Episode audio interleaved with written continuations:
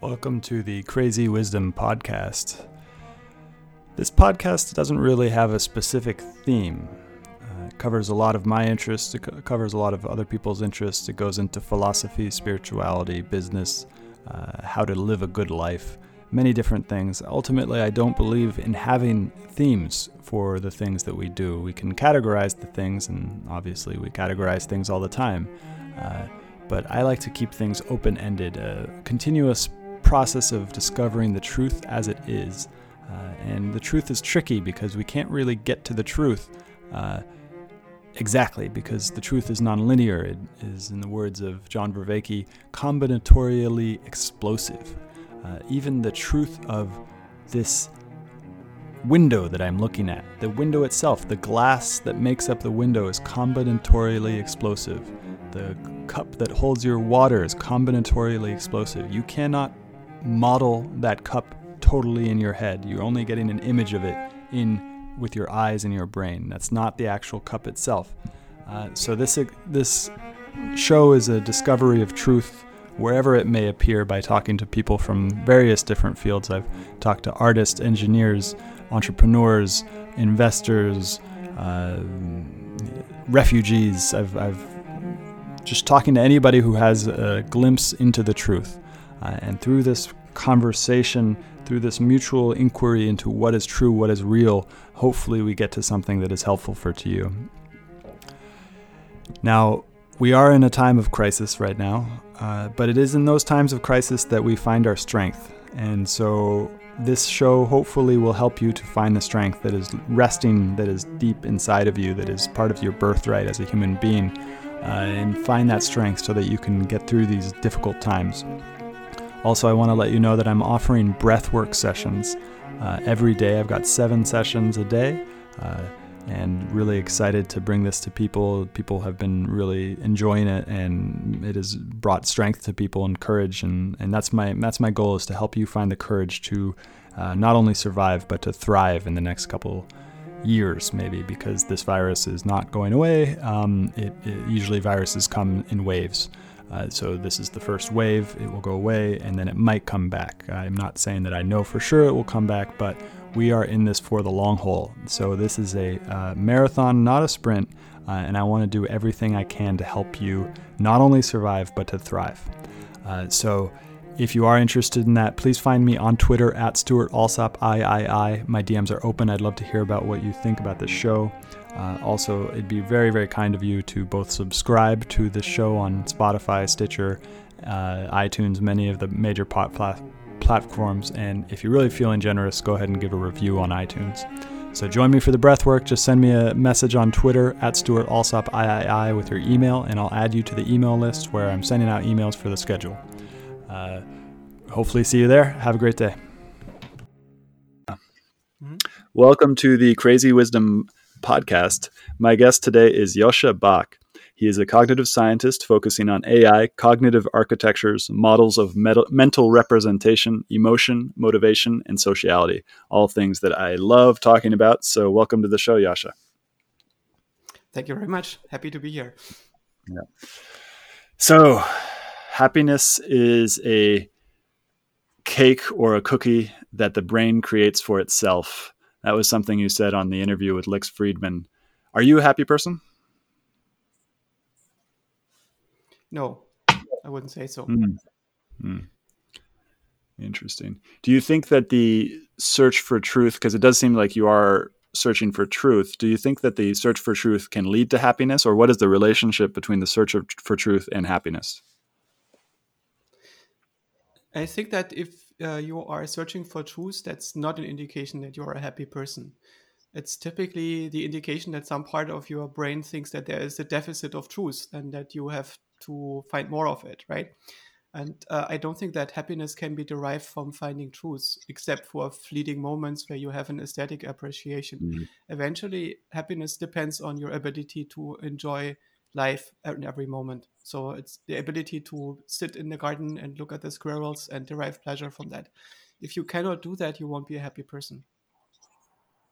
Yeah, this gets into what yogis call ananda uh, as opposed to nanda. So nanda is conditioned pleasure, conditioned joy, the what you briefly alluded to, and then ananda is unconditioned joy, not the opposite of conditioned joy, which would be pain, but unconditioned joy. So uh, the joy itself is uh, separate from the conditions that arise from it. So uh, most people would not find happiness from looking at squirrels.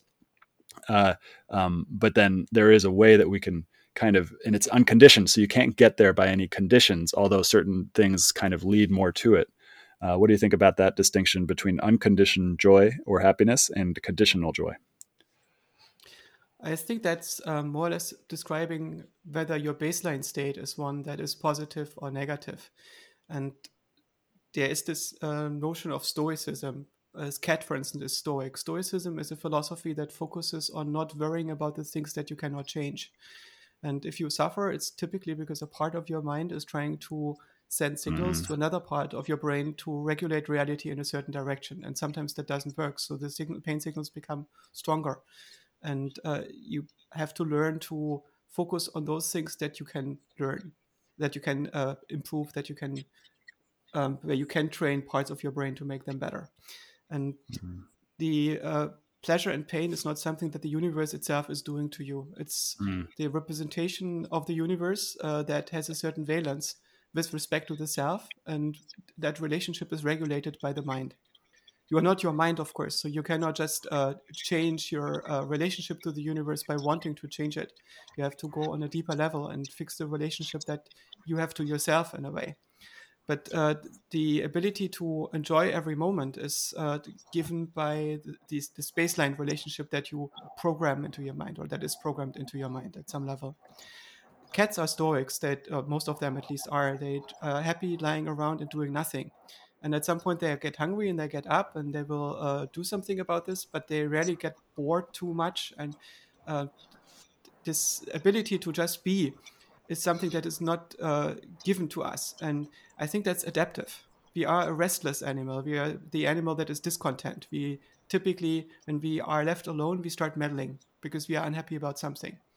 And uh, that's bad for the individual but it might have benefits for the group Interesting. So what you're saying is that when we're left alone, and many of us probably have experienced this, uh, we kind of are restless, and that's where the depression might come in. That's where the unhappiness might come in, and, and we start to do things and tinker and try to change that, and maybe do some drugs because drugs seem to be a way that we can immediately change our the way that we feel, and maybe that's why doing drugs alone isn't the best idea. Um, and uh, and you're saying that that might be good for the group because that kind of once that you get that, you kind of focus back on the group and create the community, and then you're in that community and you don't feel those things anymore. Is that accurate? Um, I think that drugs are a complicated issue. I suspect that a better perspective on drugs is to see them as medication, uh, and uh, people self-medicate with this, and it often doesn't lead to very good results because they might not have mm. the right wisdom to do that. And um, of course, as many artists in human history will uh, testify, uh, that there is not only recreational and therapeutic use of drugs, but also uh, creational use of drugs. But uh, that comes with its own set of dangers, and many artists don't get old or don't lead very happy lives, even if they're productive. So, uh, mm. generally, uh, unless you really, really know what you're doing, and ideally you are in a therapeutic setting, drugs can be a very bad idea. But um, mm-hmm just to get this out of the way, this topic. Um, hmm. it, it's um, where, where were we? Uh, so we were talking about being alone and then going into the community and going back into the community uh, because when we're alone, we kind of tinker, oh, yes. we tinker with our emotions. So, mm-hmm. I, I, remember which point I hooked on in, internally. This was uh, when you mentioned depression as a result of restlessness. I don't think that they are related. I think mm. this uh, discontent that makes you go out and create something is not depression. Depression mm. is uh, a state in which you do no longer anticipate the uh, possibility of feeling happy as a result of your actions. So you no longer manage to get up and do something. It's basically a state in which you no longer anticipate any reward. Mm. And hmm. uh, that is very different from being discontent about the present situation the, the, the, discontent is often something that gets you up and do something. And if you do something, things happen, things change, and often they change for the better subjectively, and this makes you happy, right? This experience yeah. of uh, having had an effect on the world. and that i mean because i've dealt with depression and in those periods of depression it's the lack of energy that seems insurmountable as you said it's like this this this inertia that says like the thought process is just like no no I, I if i do that nothing will really happen and i'm just going to lie here and and and yes. i can't really get up yeah Yes, and there's a difference between objectively having no energy, so this sense that you are so exhausted that you just need to sleep and uh, rest or recover and get healthy again, uh, and this other thing, which is a cost benefit analysis, where your brain basically thinks that everything that's going to happen is going to have zero or negative benefit. So it's just not worth uh, bringing it about. Mm, interesting. And this might have to do yeah. with your relationship to a larger meaning. So it's very difficult to make a life happen just for your ego because your ego ultimately is not that interesting. You typically want to uh, find a purpose to uh, for that ego to maintain it. So you need to channel something like a higher meaning. Yep, and yeah, the ego is so tricky. Um, the ego is just basically you... a function that mm-hmm. integrates uh, expected reward over the next 50 years or so. And uh, if you are mm. uh, integrated at that level, you can use your ego as your expected function in some sense that you work for. But uh, to do something that uh, really propels you and allows you to link up with other people, I think you need to go beyond that. You need a shared so meaning. You need to play a longer game. Yes, you need, yeah. Uh, and you need to uh, play a very long game, one that is longer mm. than you are mm. alive. Mm. And that's the fundamental difference that you were saying. You know, the cat, the cat has no conception of that that has no conception of psychological time, uh, and so it can't really band together with other cats and build you know cat structures that will last beyond the cat structures the cat's life because uh, the cat doesn't. No, I don't think it, that's the issue. And the cat mm. is just not very social. The uh, dogs are social, mm. and they're not smarter than cats, or not uh, not on, not all dogs are smarter than all cats. But uh, the issue is that dogs are, are, in some sense, set up by their evolution to form hive minds, to form hives, to f- form groups. Mm. And they do live to a large extent for that group. And uh, this is not true for cats. Cats are fine by themselves. And the humans have the so hive mind as well. Yes, most uh, people are more dog-like than cat-like. Yeah, and we have this hive mind, but we have the differences with the dogs that we have these opposable thumbs and a prefrontal cortex that allows us to use tools and usually stitched together by this shared meaning. Um, and what do you think that this American focus on? Mm-hmm. Yeah. Yeah. Do you do you think this American sense of being an individual that is so deep into the culture is a aberration from the truth or an aberration from uh, from what humans are fundamentally? I'm not sure if there is anything that humans are fundamentally. There is just this thing that they are at any given moment. There is no natural way of being human, I think. There is, of course, a deviation that you might experience when you are not adapted for the environment that you find yourself to be in. And this might but, create tension and so on. But over a few generations, that's getting taken care of. And this situation that you are only incompletely adapted to any given environment, I think, is very typical for an animal with an evolution. Hmm. But you don't believe that there are universals to human culture, for example, things that showed up in Aztec civilization that also showed up in uh, in Chinese civilization that that are similar and that also showed up in other civilizations and might be a basis for some sort of human ba- uh, human functioning or human essence. Of course, there are, but there's also uh, there are interesting differences between them too, right? It's uh, so it's very interesting to look at the obvious similarities and even more interesting to look at the way that uh, these civilizations differ and what makes them different. Mm. And uh, I find that often we do not distinguish between cultures and civilizations right now.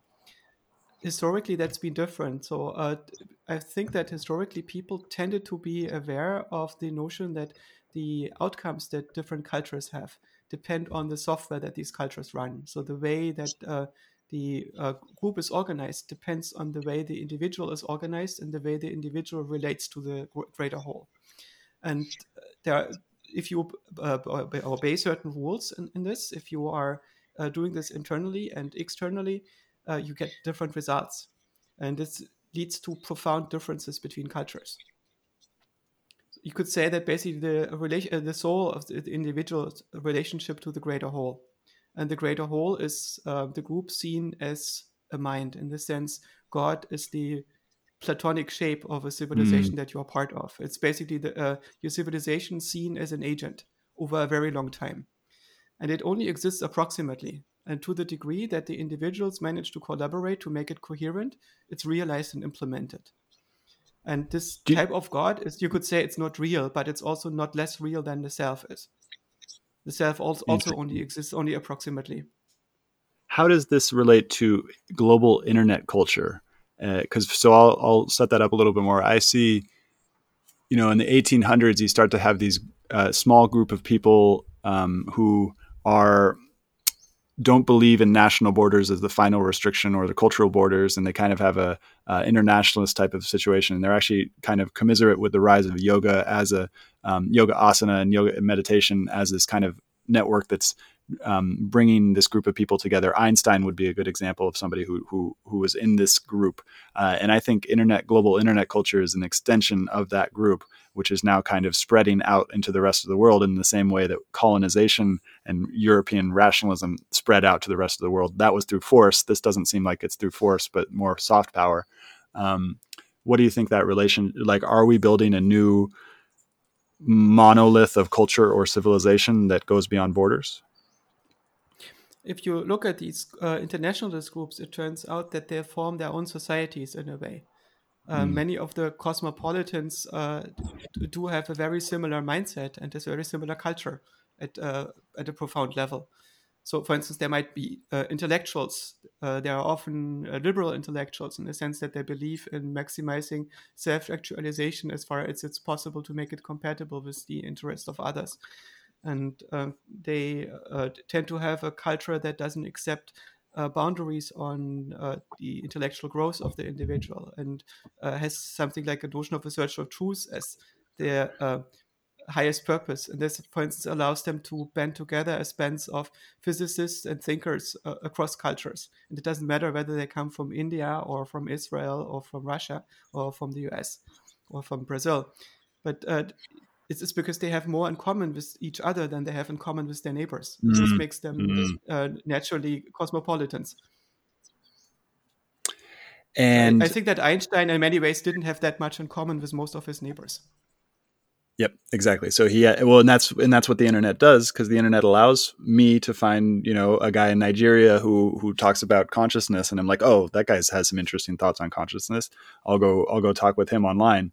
Um, but I would have never come into contact with him a 100 years ago. So it does seem like that kind of supports what I was talking about of this kind of new elite global internet intellectual culture. But I th- but I think the the scale is what we're talking because we still very much have a lot of people who are not interested at all in that and who who who who you know and maybe I'm not saying that it's a value judgment on whether they're right or wrong, but essentially like you know there are a lot of people in the Philippines, for example, or uh, Hungary who are who are like we need national borders because there's a whole bunch of immigrants coming in here, and uh, and and that's going to destroy this our, our culture and our nation. Um, what do you think of all that? I think that if you are uh, just trying to remember the kids that you got to know in elementary school and which trajectories uh, their life took them, there's often a huge diversity in that already. So you don't need to go as far as the Philippines to realize that the interests of individuals and the way they constitute their relationship to the surrounding social and physical reality uh, mm. are very divergent, right? And when the internet started, uh, it was mostly nerds on the internet. Those, these were the kids that tried to get away from the uh, normies in mm-hmm. middle school and tried to relate to each other. And they had this big dream of a global village that emerges over uh, the possible interactions that you can have with each other. And uh, when we uh, open up the internet to the world, this uh, eternal September started when AOL took the normies online. Uh, there mm. was a big shift mm. because uh, suddenly everybody else who you knew in elementary school and in middle school got on the internet as well. And they turned out that their interests were completely different. They didn't want to play the same uh, games of philosophical discussion and uh, coding and world exploration. It was suddenly as if the uh, the small pre-rationalist rationalist community was flooded uh, by uh, the New York Times and everybody else. and and and this process the, the, this process continues to this day. And every time we have a new yes. thing the nerds create it. And then and then and then it's like an invasion of the mainstream. And then the mainstream just like brings all of this emotional trauma and in group out group uh, thinking into it and just like um it becomes just, just humans like, right yeah the avant-garde is going to build buildings and uh, when these buildings become nice and interesting then the mainstream is going to move in but they're not going mm-hmm. to adopt the mm-hmm. mindset of the avant-garde they are going to bring their own mindset and this mindset is going to have a change because they now live in these new buildings but uh, it's still uh, there's a big mental difference um, in, in, the motivational difference and uh, difference in the shape of the souls of the avant-garde and the mainstream because mm-hmm. a person that goes out into a space uh, that doesn't exist yet and pioneers it and shapes it has a very different mindset from one who moves into a place that is already settled and colonized and structured. And of course, Indeed. the people that move in there, they bring being people in there, not being pioneers. Mm. And what do you think of the current thing that's going on because of the context we have of COVID nineteen of people escaping cities uh, I'm one of I'm one of them, um, uh, and who are essentially going back in, into natural surroundings. Although they're going into homes, they're not going into into you know like tents. Oh, some of them are, but uh, but uh, not very many of them. And so it, we're actually in some ways the avant-garde is now uh, abandoning the city in exchange for the countryside. What do you think about this trend? Do you think it's a long-term trend, or do you think it's just a blip? I mean, it's always a blip. I think but, the, uh, I don't know yet. So it's an interesting thing uh, whether people will start to like living in the countryside when COVID 19 is gone. At the moment, it's not an avant garde thing to move to the countryside, it's just opportunism. If you can afford mm. it mm-hmm. and you realize mm. you're not going to see people face to face, then the question is, how nice is my yard? And of course, your nice is going to be uh, your yard is going to be nicer if it's the forest, right? So you want to move into the countryside right now if you can afford it. And yep people are uh, obviously going to do this, and many of them will start to like living out there and discover that it brings joy to them to be out there, and they don't want to move back into the city. But the reason why we moved into the cities is to a large degree because we wanted to meet people face to face. And uh, if well, you live and, out and, in the countryside, and... it's hard to meet interesting people face to face. Yeah. Well, and that's and it's it's access to the niche interests that the internet now provides, and that's and for my own life, that's I've I've, I've before COVID nineteen, I've been I've been doing what we're doing right now is talking remotely uh, to interesting people, filling that intellectual philosophical need in my in my being, um, but in my in my everyday uh, just life where I'm just hanging out, it is the yard has been the most important thing for me for the last two years, plus dance and plus massage. So I happen to find a place that all of those things exist uh, together. Um, and Sounds excellent. Yeah, it's really good. You, you should come come visit. I'm not going to tell. I'm not telling. I'm not telling publicly where I am because it's so good. Um, uh, but uh, but you should come visit. okay, let's um, discuss it in secret later yeah, and I, I, interviewed somebody locally yesterday who was like, "Do not, do not tell people uh, where, where, you are," because he's been here for the last 20 or 30 years. Um, and uh, uh, on the on the podcast, so, but yeah, the cities are are are what the internet was before in terms of niche interests, um, and and you know that's where dance classes were and like if I, and it's still true to this day except not true right now with covid that if I am going to find a particular dance, I'll name the actual one I do. It's called Zouk. It's a Brazilian dance. I either have to go to Brazil or I have to go to a major metropolitan area like New York or San Francisco. Um, and that's the only place they're going to do that particular type of class. And then there are all these other types of in person events that only happen inside the city. But that's changing because now you have Bali.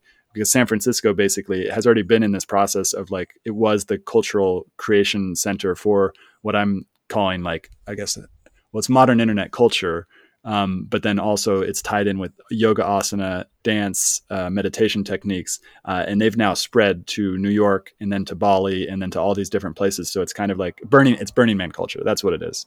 Um, mm-hmm. what is Burning Man culture? Have you been to Burning Man? Yeah, a few times. Yeah, I really enjoyed it. I think it's mostly a place that uh, is possible because it takes out the economy of the equation. So people have an opportunity to be real with each other. It's not perfect, and uh, it's uh, in some sense fucked up in all the ways that people say it is. But it's still one of the most interesting cities that exists in the U.S.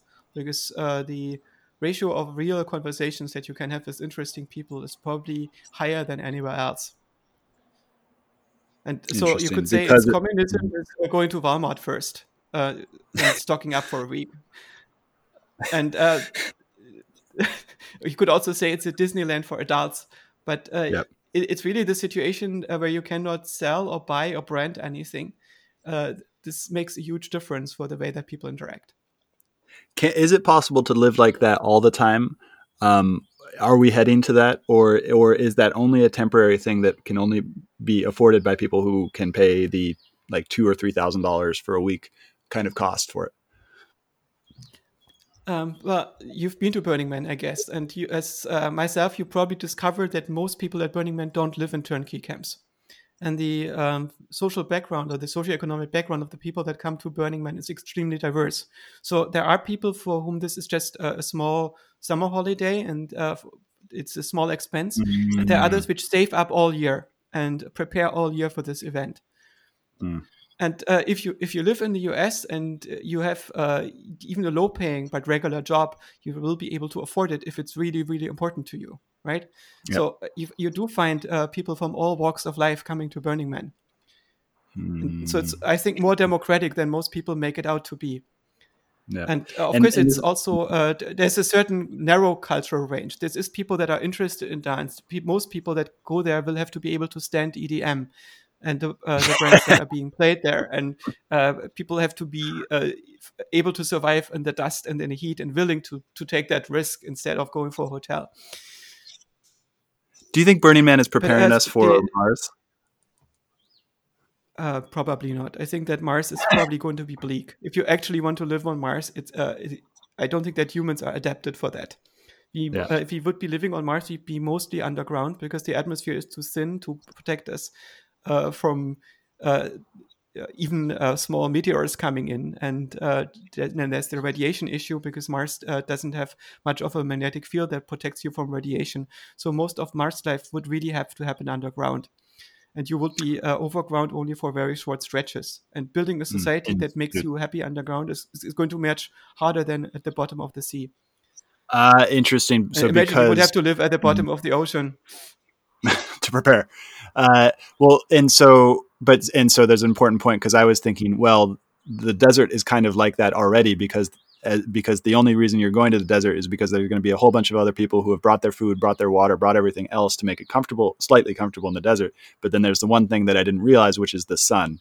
Uh, and the sun is so important. Exactly. The sun filtered through our through our atmosphere is so important for um, for well-being, happiness, um, and all these different things. And we have have we been able to replicate that using lights? Can like the same way that indoor growers can grow marijuana, can humans actually adapt to a place with artificial light? This is one of the questions. The other one is uh, can we make such a place that is not brittle? So, uh, uh, how uh, much redundancy can we build in a system like this? At which point is the technological civilization going to break down and you are no longer able to, for instance, make uh, light emitting diodes to produce uh, exactly the light that you mm-hmm. want?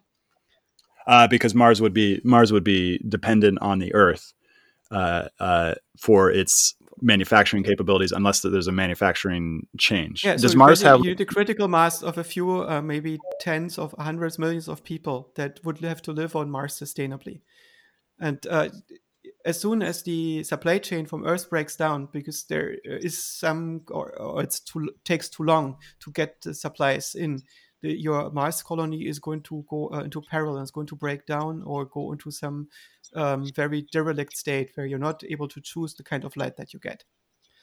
I think that within mm-hmm. the future generation, the survivors will possibly be able to adapt and will not be um, unhappy. But um, this kind of adaptation to new environments typically requires that uh, you have selection, which means most people in any given generation die, and uh, those that are well adapted to the freaks, the outliers, the mutants, they will take over. and this is what I was thinking about. And this seems to happen on a short times period as well within the United States. For example, in the eight, early 1800s, 1850s. Uh, I was reading a book about the New Mexico as becoming a state. Um, and it's so interesting to see that the cities of the of the west of the eastern United States by that time were you know serving the function of the city. That if you're in the city, as long as you're part of the middle class or upper class, you are going to uh, uh, enjoy life. Your babies, you, you know, your, a lot of your babies might might die after childbirth, um, but you know you've got access to food. You're probably going to live like forty to fifty years and stuff like that. But then the the freaks, as you mentioned, the ones who went east, uh, I'm sorry, went west, um, and then kind of conquered um, uh, uh, New Mexico and and and did all these things. Uh, really horrible things to, to the native populations, but then the native populations were also doing horrible things. So, but um, it, and then they were like had short lives and they could be killed at any moment and they had all these tips and figure figured out ways to live in the wilderness but then there were always kind of attacking tribes that could come get come get you at any time and it was just like it's very very easy opportunity for you to die every day. Like in the night you know somebody could come and attack you in your camp and stuff and there's nothing you can really do to there's just constant uncertainty. Um, but it really depended whether you were in the city or whether you're out there. And and to a certain extent we don't have that anymore of going into totally radically new physical environments. We have them emotional and mental, um, but it, like the world has been kind of every inhabitable spot on the earth is now inhabited, right? I think if you look at the last uh, hundred years, um, every generation found itself in a quite radically new environment, and just this uh, switch that we did within the last um, 200 years from where we always have been only a few million people, then a few hundred million, and suddenly over a billion. This was a tremendous switch. And now mm-hmm. we suddenly got to the point where we are so many billions of people. And it's interesting how long we are going to maintain being so many billions of people. I suspect there's a possibility that most people alive today will not have offspring in 100 years from now. Yep. So we that seems, probably headed for a different world again. And that and that seems clear, and it and it seems like to me that it's inevitable that what is happening is that our consciousness is slowly spending more and more time of it time being um, piped through the internet routes because it's like you know we went from watching TV for four hours to being glued to a phone for eight hours. Um, and so, like, our consciousness is already being mediated through these electronics. And I don't think it's too far off. You might have some more insight than me on this, but I don't think it's too far to actually like connect the brain directly to the to the internet um, and then and then then it seems like our physical aspects of our lives decrease in importance although i'm going to maintain that physical access as far as possible because i've noticed that it's an antidote to the stress that's of of spending so much time online um, what do you think of that like are our brains well first of all consciousness seems to be embodied uh, and from the cognitive science that I've been studying, and you probably know a lot more about this, but it seems to be embodied.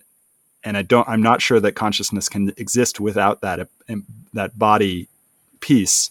Um, and so, how would it even go fully? And maybe it's emerging. I think you talked about this, but maybe it's like a cyber, cyber cyborg type of situation where we slowly, like, for example, I use spaced repetition software um, on my de- on my computer every day, and that augments my my my memory, but it hasn't had a fundamental shift to my human consciousness. It's not like I've merged with, like, physically with the computer. What do you think of all that? I think we have to understand what we mean by. Um, can you still hear me? Okay. Yeah, I can hear uh, so I, I think we need to understand what we mean by body. And we have this intuition that the body is a physical thing and the physical world that has to have a certain shape and somehow it's in touch with the mystical reality substance and this contributes to consciousness somehow. I don't mm. think that's the mm. case. Mm. I think that uh, the body that you have in Minecraft is also a body. and it's a certain interface that is situated and uh, the world that it's situated in is uh, made from information that has a certain location and there are trajectories along which information can flow. And the physical space-time is just one instantiation of that. And uh, you can probably also be embodied in the sense in, in your own mind in uh, as long as you have constraints. So for instance if you just close your eyes and meditate and do mathematics you do have some kind of embodiment right? But it has nothing to do with your physical body. Mm. And uh, mm. when you are on oh, the internet, shit. you also have a certain situatedness. You have a certain interface that you cannot completely control and shape. And um, that control structure in some sense also amounts to a body in this sense. And as soon as you go to this notion of embodiment, then the entire notion of uh, physical embodiment, I think, falls apart. Yep, you're right. So that it's essentially there's this. Uh, so my, I can try to wrap for my listeners. I can try to um, translate that. So basically, my consciousness is embodied uh, in a physical body, but the representation that I view myself as is not actually related to the body, but it, it's created inside of the brain. I mean, the brain is connected through the neurons to the skin. But what you're saying not is the point I'm trying to make. So uh, Okay. you have to also go back to what does physics actually mean. I think that Mhm. physics is the hypothesis that the reality is somehow bottoming out in a causally closed mechanical layer. Right? There is a certain Wait, level you- at which the world is. Uh, physics is exploring the hypothesis that the universe is bottoming out at a causally Hmm. closed elementary layer. There is one bottom layer where everything makes sense, where everything is mechanical. Yep. And uh, physics is trying to find the function that correlates adjacent states of the universe based on this model, based on this understanding. It's a very successful paradigm. So it seems to work out. There seems to be a causally closed lowest mechanical layer for some definition of mechanical.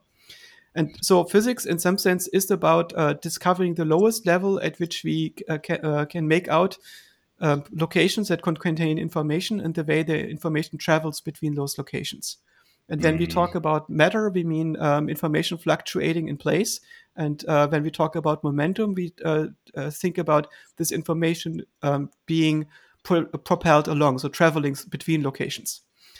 And from this, we build our worldview. And so there is a level of foundational physics that tries to go beyond that and tries to look at maybe the automata structure that are capable of producing such patterns.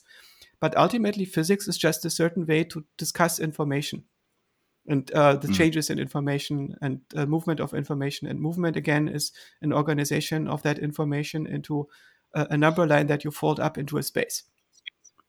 interesting. So what you're saying is so that it's all about so what you're saying it's is that so the I was, information of information. Hmm? so I was going into embodiment and trying to, to to get to the to the to the part that you talked about that said the physical body itself isn't isn't li- the embodiment of the consciousness itself. So what does that physics have to do with that embodiment question? What interests me, for instance, is how does uh, a mind discover that it has a body and what is that body? It's not immediately given. So imagine you have a system that is observing its interaction with the environment, and uh, the environment could, for instance, be a computer game. It's definitely not a quantum graph because you're not able to perceive physics at that level. What you perceive is always the game engine that is created within your brain right? And within that game engine that's uh, generated within your brain by a bunch of automatic processes that work long before you have consciousness, um, that uh, thing is producing uh, some kind of spatial environment, res extensa, three-dimensional dynamic space in which uh, there are objects that have collisions and interact with each other in a certain way. And one of these objects you count as your body. And it's the thing that is uh, propelled by your actuator impulses and you discover these actuator impulses by the relationship to that body, right? So you send motor signals to uh, a, a part of the world, and that part of the world interacts with the environment. And uh, these motor signals only make sense as the uh, intermediate link between your control states and your body. And uh, your And, uh, control know- states only make sense as uh, re- uh, the intermediate link between reward states and uh, the motor states, right? So you have to discover the entire chain of command. Once you have the chain of command, you can pinpoint the body. Before you discover the entire chain, you don't have a body. so what you're saying that So the body, the only of- makes sense as part of a model, Yeah. of a larger model.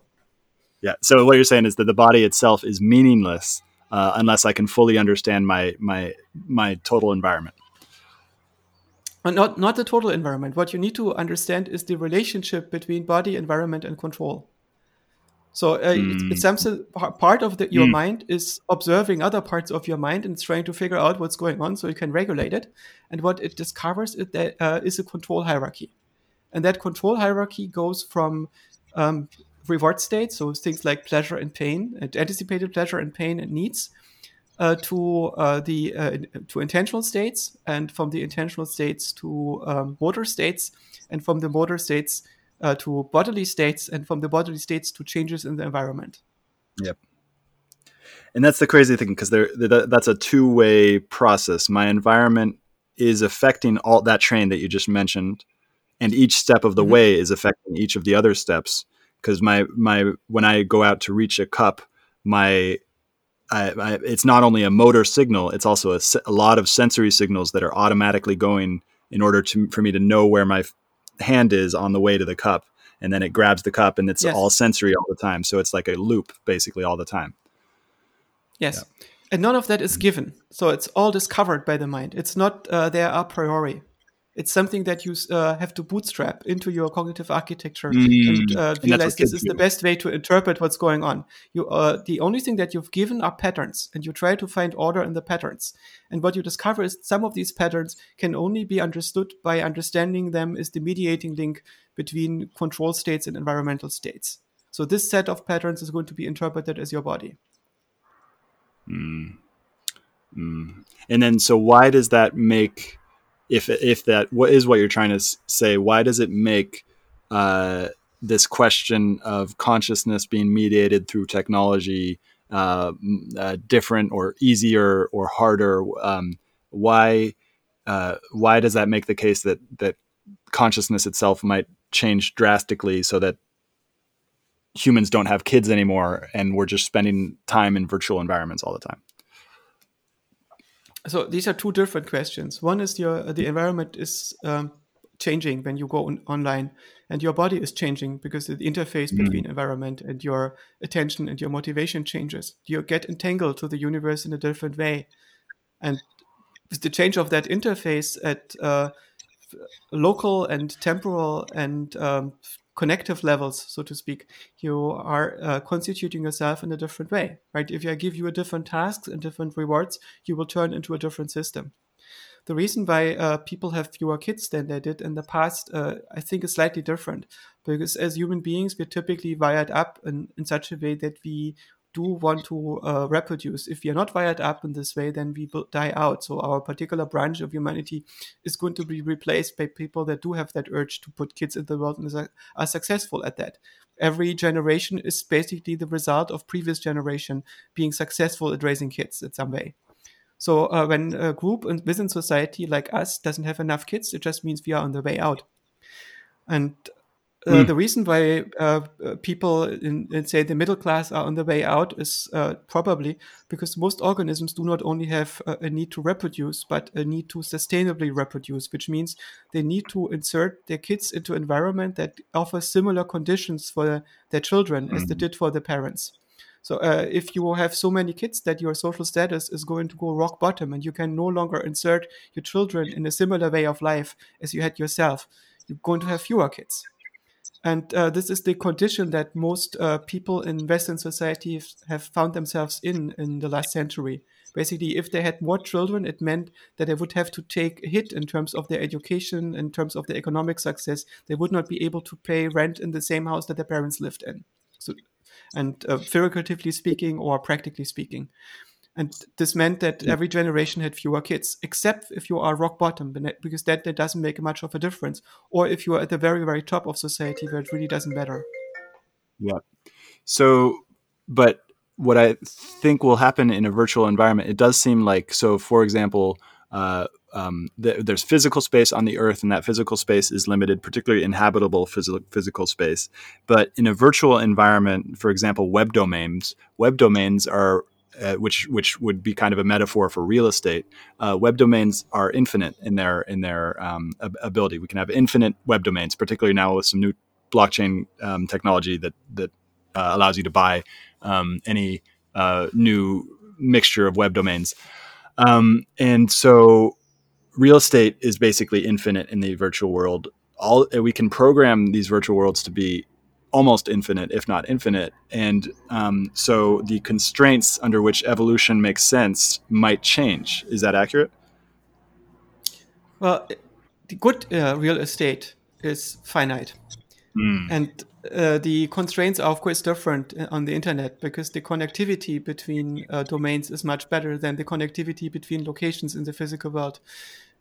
But uh, if you live in a city, uh, you can go two blocks uh, down the road, and the value of real estate might change drastically because your neighbors change, and the restaurants and and so on that you have, or the view that you have changes, or the distance to the ocean changes, and so on, or the air quality, or the amount of pollution in, terms of sound and uh, smoke from the uh, highway or whatever you get. Uh, that all changes, right? that changes the value of real estate. And uh, the main value of real estate in terms of uh, of domains is uh, how short and memorable is your street sign. And mm. because you cannot d- duplicate the street signs, and each street sign have to be unique, the, you have value attached to domains. But apart from that, connectivity is pretty homogeneous throughout the internet. So uh, you can choose your neighborhood any way that you want, and you cannot do this in the physical space. Mm-hmm. And so, and that's one one variable, and then there's other variables. I mean, so so so I, I, imagine that we will be in these physical bodies for for at least a few more generations, and those physical bodies require um, food and they require water um, and they require structures around them to keep them safe from animals and other things, and then they require uh, sex in order to reproduce. But that sex thing, you know, can that sex thing is already being uh, kind of reproduced virtually with porn um, and then and then the the the food and the water you know I, I, imagine it might be a world in the matrix where you're kind of piping those in um, and then you know manufacturing from crickets or something like that where we're getting our protein from crickets and our vitamins from all these other sources um, and then but in that virtual world then it becomes like a status thing. um, uh, what do you think about the, the nature of status in an infinite virtual world where maybe a lot of these constraints are changed? I think that uh, in reality, status is your position in a social graph, the contracts that you have entered and the ones that you are able to uphold. And in the US, status is more because it's a large society about your ability to consistently lie about your social status. So it's more about status signals and the ability to follow up on the promise of the status signals for long enough. So people don't notice the difference. It's like uh, fake it until you deep fake it. And, uh, this gives rise to this notion of fame that is suddenly super important and so on that uh, doesn't play a big role in smaller societies. Uh, interesting notion that you brought up is sex. I don't think that the purpose of sex is reproduction. Uh, mm. People are willing to reproduce without sex and uh, without pleasure, mm. and they're able to, uh, to do these uh, things because the desire to reproduce is in some sense orthogonal to the desire to have sex. And very often people have sex and uh, take great precautions to not reproduce. Actually, that's more the rule than the exception. Because the decision of whom you have children with uh, and when is the economically most serious decision that you can make, right? So it should actually be painful to reproduce from, from and, this perspective. And that's so, because uh, the sex is an offset on, on your on your uh, rationality or your reproductive rationality. Sex is randomizing whom you pay child support. and this might be the reason why we have it. Well, but but it, eh, so th- those are according to the conditions that we currently have. Before, sex did seem really clearly related to reproduction but then in humans somehow the pleasure aspect got really i mean dopamine is released in every every species where sex uh, happened dopamine gets released but but um, in humans the pleasure side of it became distracted from from maybe exapted from the um, from the the reproductive cycle and is becoming further and further exapted what is the point of that exaptation i mean you might have already just mentioned it but like um, it, now sex seems to be this really interesting pleasure thing that doesn't lead to reproduction, as you just mentioned, because of the changing in constraints, right? I think that uh, sex allows people, usually two people, to get very, very real with each other mm-hmm. uh, and escape from the machine. It's in some sense a yeah. defection from the machine because having sex mm-hmm. is mostly unreasonable. And uh, I mean, if you are in a fixed relationship and uh, you uh, use contraceptives, or are you not worried about having more children, or actually you want to have more children, then sex can also become a pastime, like a hobby and so on, that doesn't have negative consequences and helps you to melt into each other and mm. form a local hive mind. But uh, the, the main thing that sex exists and coexists with a society that has been around for thousands of years where people make rational decisions about whom to reproduce with and whom to enter a relationship with because there are social and economic criteria that are more important than pleasure. Right this uh, this means that sex is playing a different role from reproduction. There is a connection uh, with respect to sex uh, that has to do with something like a genetic matching. There are uh, people that you uh, should probably have sex with in order to uh, produce extremely healthy babies. And uh, this is a type of attraction that is slightly different than just um, sex, which is often about kink, or uh, from this is the person I should have a relationship with because it works, uh, it's going to work out very well, mm-hmm. or because there are mm-hmm. economic reasons or social reasons, because our life paths are going to be aligned the way we are planning mm-hmm. them. Yeah, this gets into like basically what we're doing right now this this this generation that we're having here is a a breaking of all society most societal norms um, and then a basically each individual is responsible for then playing the game of what societal norms they want to to inhabit um, and kind of figuring it out and, and, based on just like the the uh, the the the the you know because before my my impression of what happened is basically we had these tribes of people and you never meet strangers in the tribes back in the hunter gatherer thing. You'd meet you'd meet other tribes but you'd have a way of dealing with them that was very very solidified and all the norms were known all the mythology was known and you don't really question the mythology because that's the belief and everybody believes it and there's nothing to make you question it because there there's no even hint that the sun um, the earth revolves around the sun uh, and and then it and then it and then it made a switch with science where all of a sudden all these ideas, all these beliefs, all these things just got kind of destroyed. Um, and so now we're at that seemingly end stage where we also figured out we can't go back. We can't go back to belief. We can't. Well, some of us have, have decided that we can't go back to um, uh, full scale belief, like political solutions based off of belief, based off of neo religions and stuff like that. So we're at this. For me, I'm at this point where I'm just like, I guess I just got to figure out what works for me and take these social norms that that I agree with and the values and stuff like that. And, but then there are other people who like radically disagree with me and will will be violent in their in their disagreement. Um, and and it's just kind of confusing. Are you confused? No, not that much. I think that there was uh, not a time when people thought that they can get along without any social norms. So uh, just chaos that, that doesn't work uh, what typically happens is that people say the existing set of norms doesn't really work for very particular reasons, or it's extremely wasteful and it's limiting our development in ways that we need to go into. And the new norms are the result of thinking through the consequences of the things that we want to hmm. happen and making them consistent again at the global scale. So uh, the norms are not the results of uh, just the norms existing and we following them and reinforcing them they are instrumental of uh, producing a certain aesthetic. The aesthetic being a civilization that is harmonic and uh, allows people to self-actualize mm. in certain ways. And so, mm. our idea of a harmonic society is one that is uh, maximizing the potential for self-actualization and minimizing violence and coercion but it still means that you have to play by the rules that are instrumental to that. You have to understand that uh, when you perform a transaction, what it's like to be on the other side of the transaction and how often this transaction can be repeated. So you have to play a very long game while taking all the sides into account.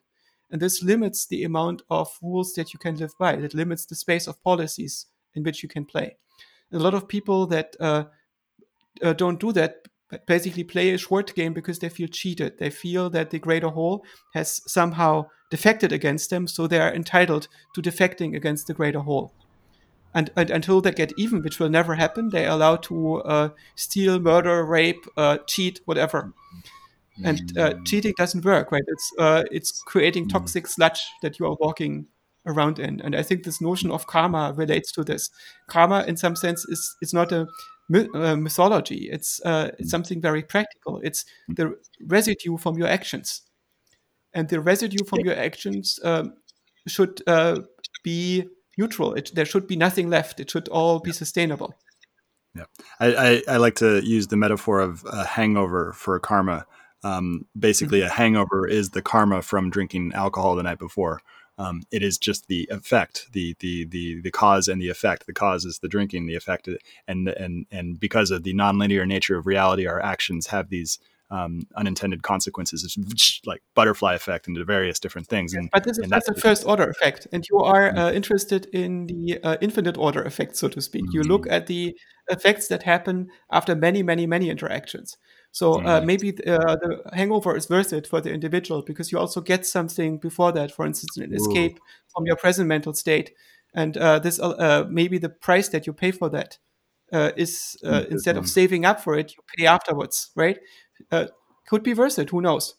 Also, the damage that you yeah. do to the, your liver and so on. But uh, the uh, overall effect is what happens to society if you become an alcoholic. What happens to your family? Mm. Mm. And uh, what happens to, uh, to, to the larger whole if if there is the family of an alcoholic in which the kids have fetal alcohol syndrome, or there are no kids, or uh, people have to feed you while you become a drug addict living in the street uh, of a city with a decent climate.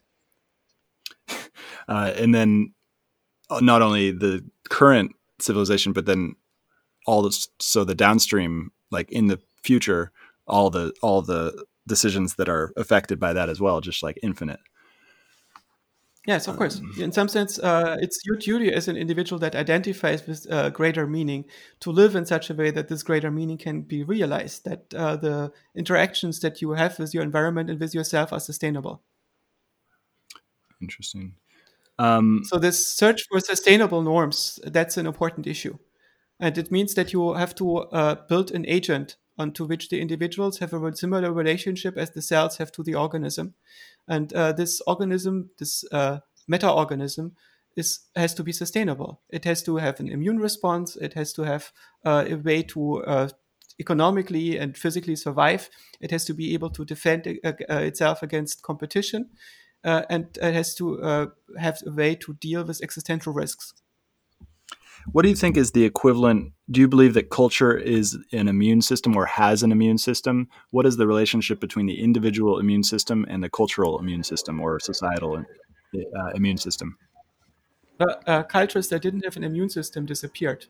They became replaced by other cultures. So, in some sense, if you look at an existing culture, you already know that it must have an immune system if it's been around for some time and you can try to identify mm. what it is. Mm. Interesting. Do you know anybody studying cultural immune systems?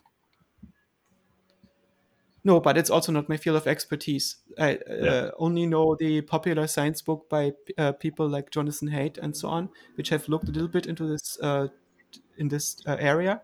There is also popular science book by Harari, uh, but I'm not really aware of uh, systematic studies of that. I'm pretty sure that's a lot of material in the Vatican archives. So, um, uh, so, uh, so, and I want to be mindful of your time. Do you have a hard stop at 1 p.m.? Uh, it's not that hard. Okay, so we'll go so, for like five more. We can go for yeah, no problem. Yeah. Mm-hmm. Yeah.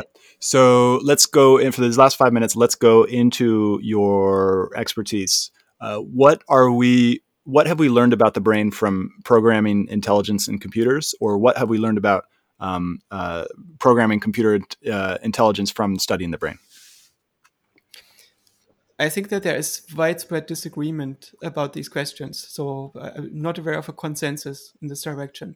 Uh, mm. the hardcore people in machine learning uh, sometimes say that the only thing that we ever learned from uh, neuroscience is uh, Hebbian learning, and that was like 50 years ago, mm. and uh, even longer.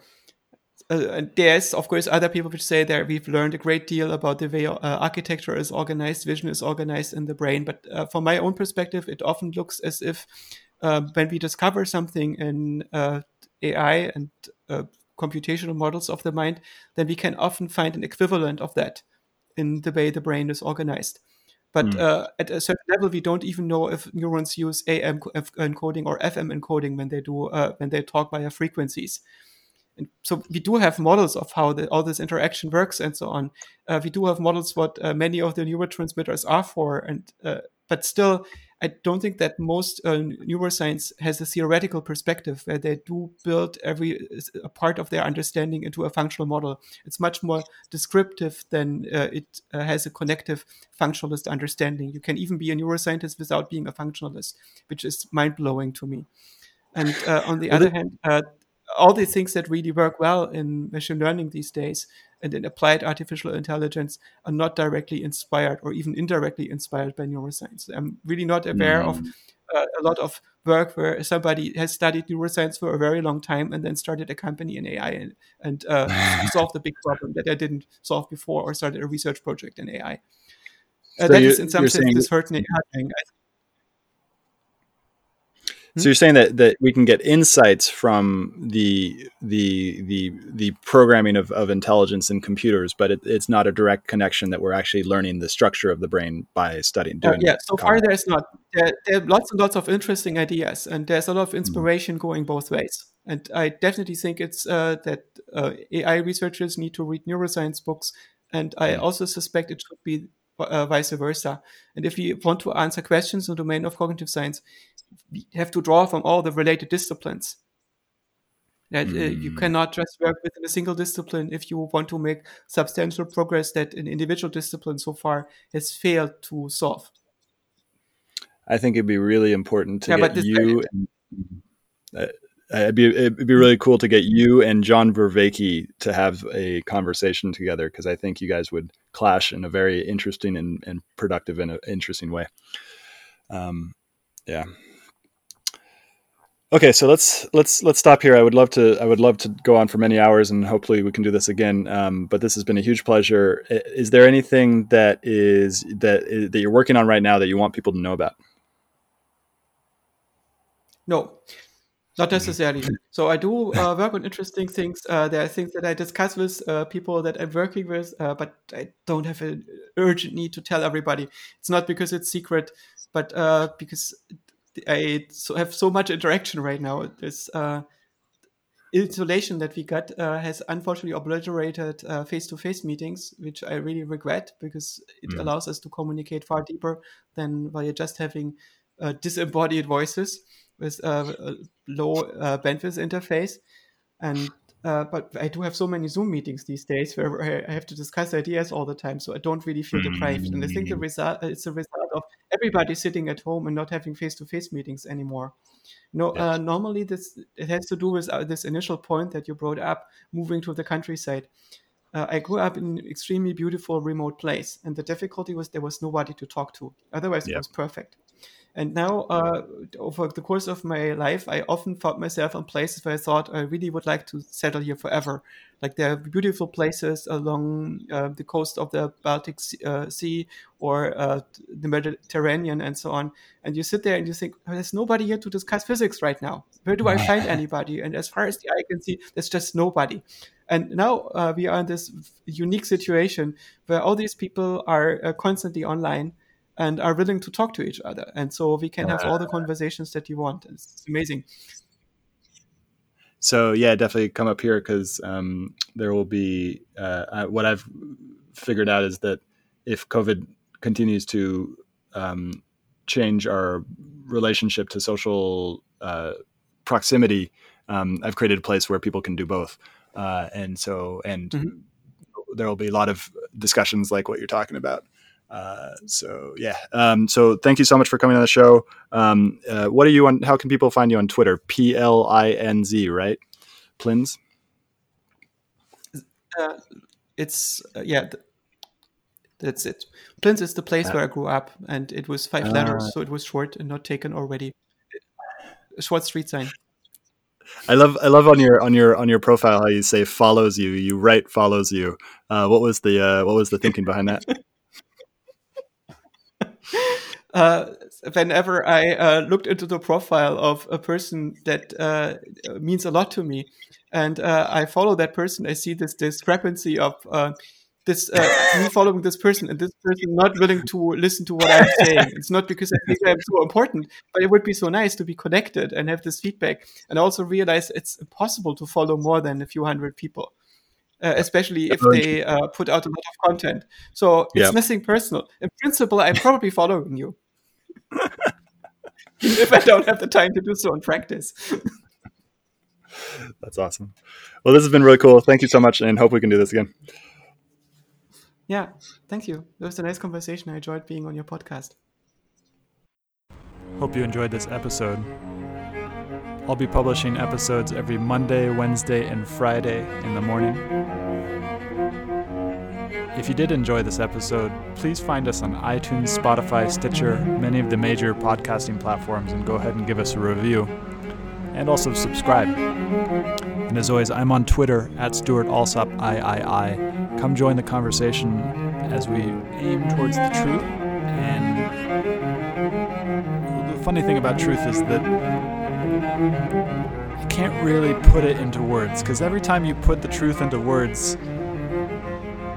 you create a linear narrative out of something that is non-linear. The truth is non-linear. It's not.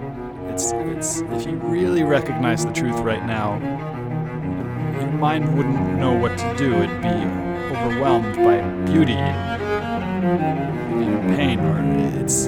It's something that is beyond our linguistic capability to represent but that doesn't mean that the language isn't helpful. Language can point us in the direct right direction, but it's it's not it's not the truth itself. And so come join this collective inquiry into the truth.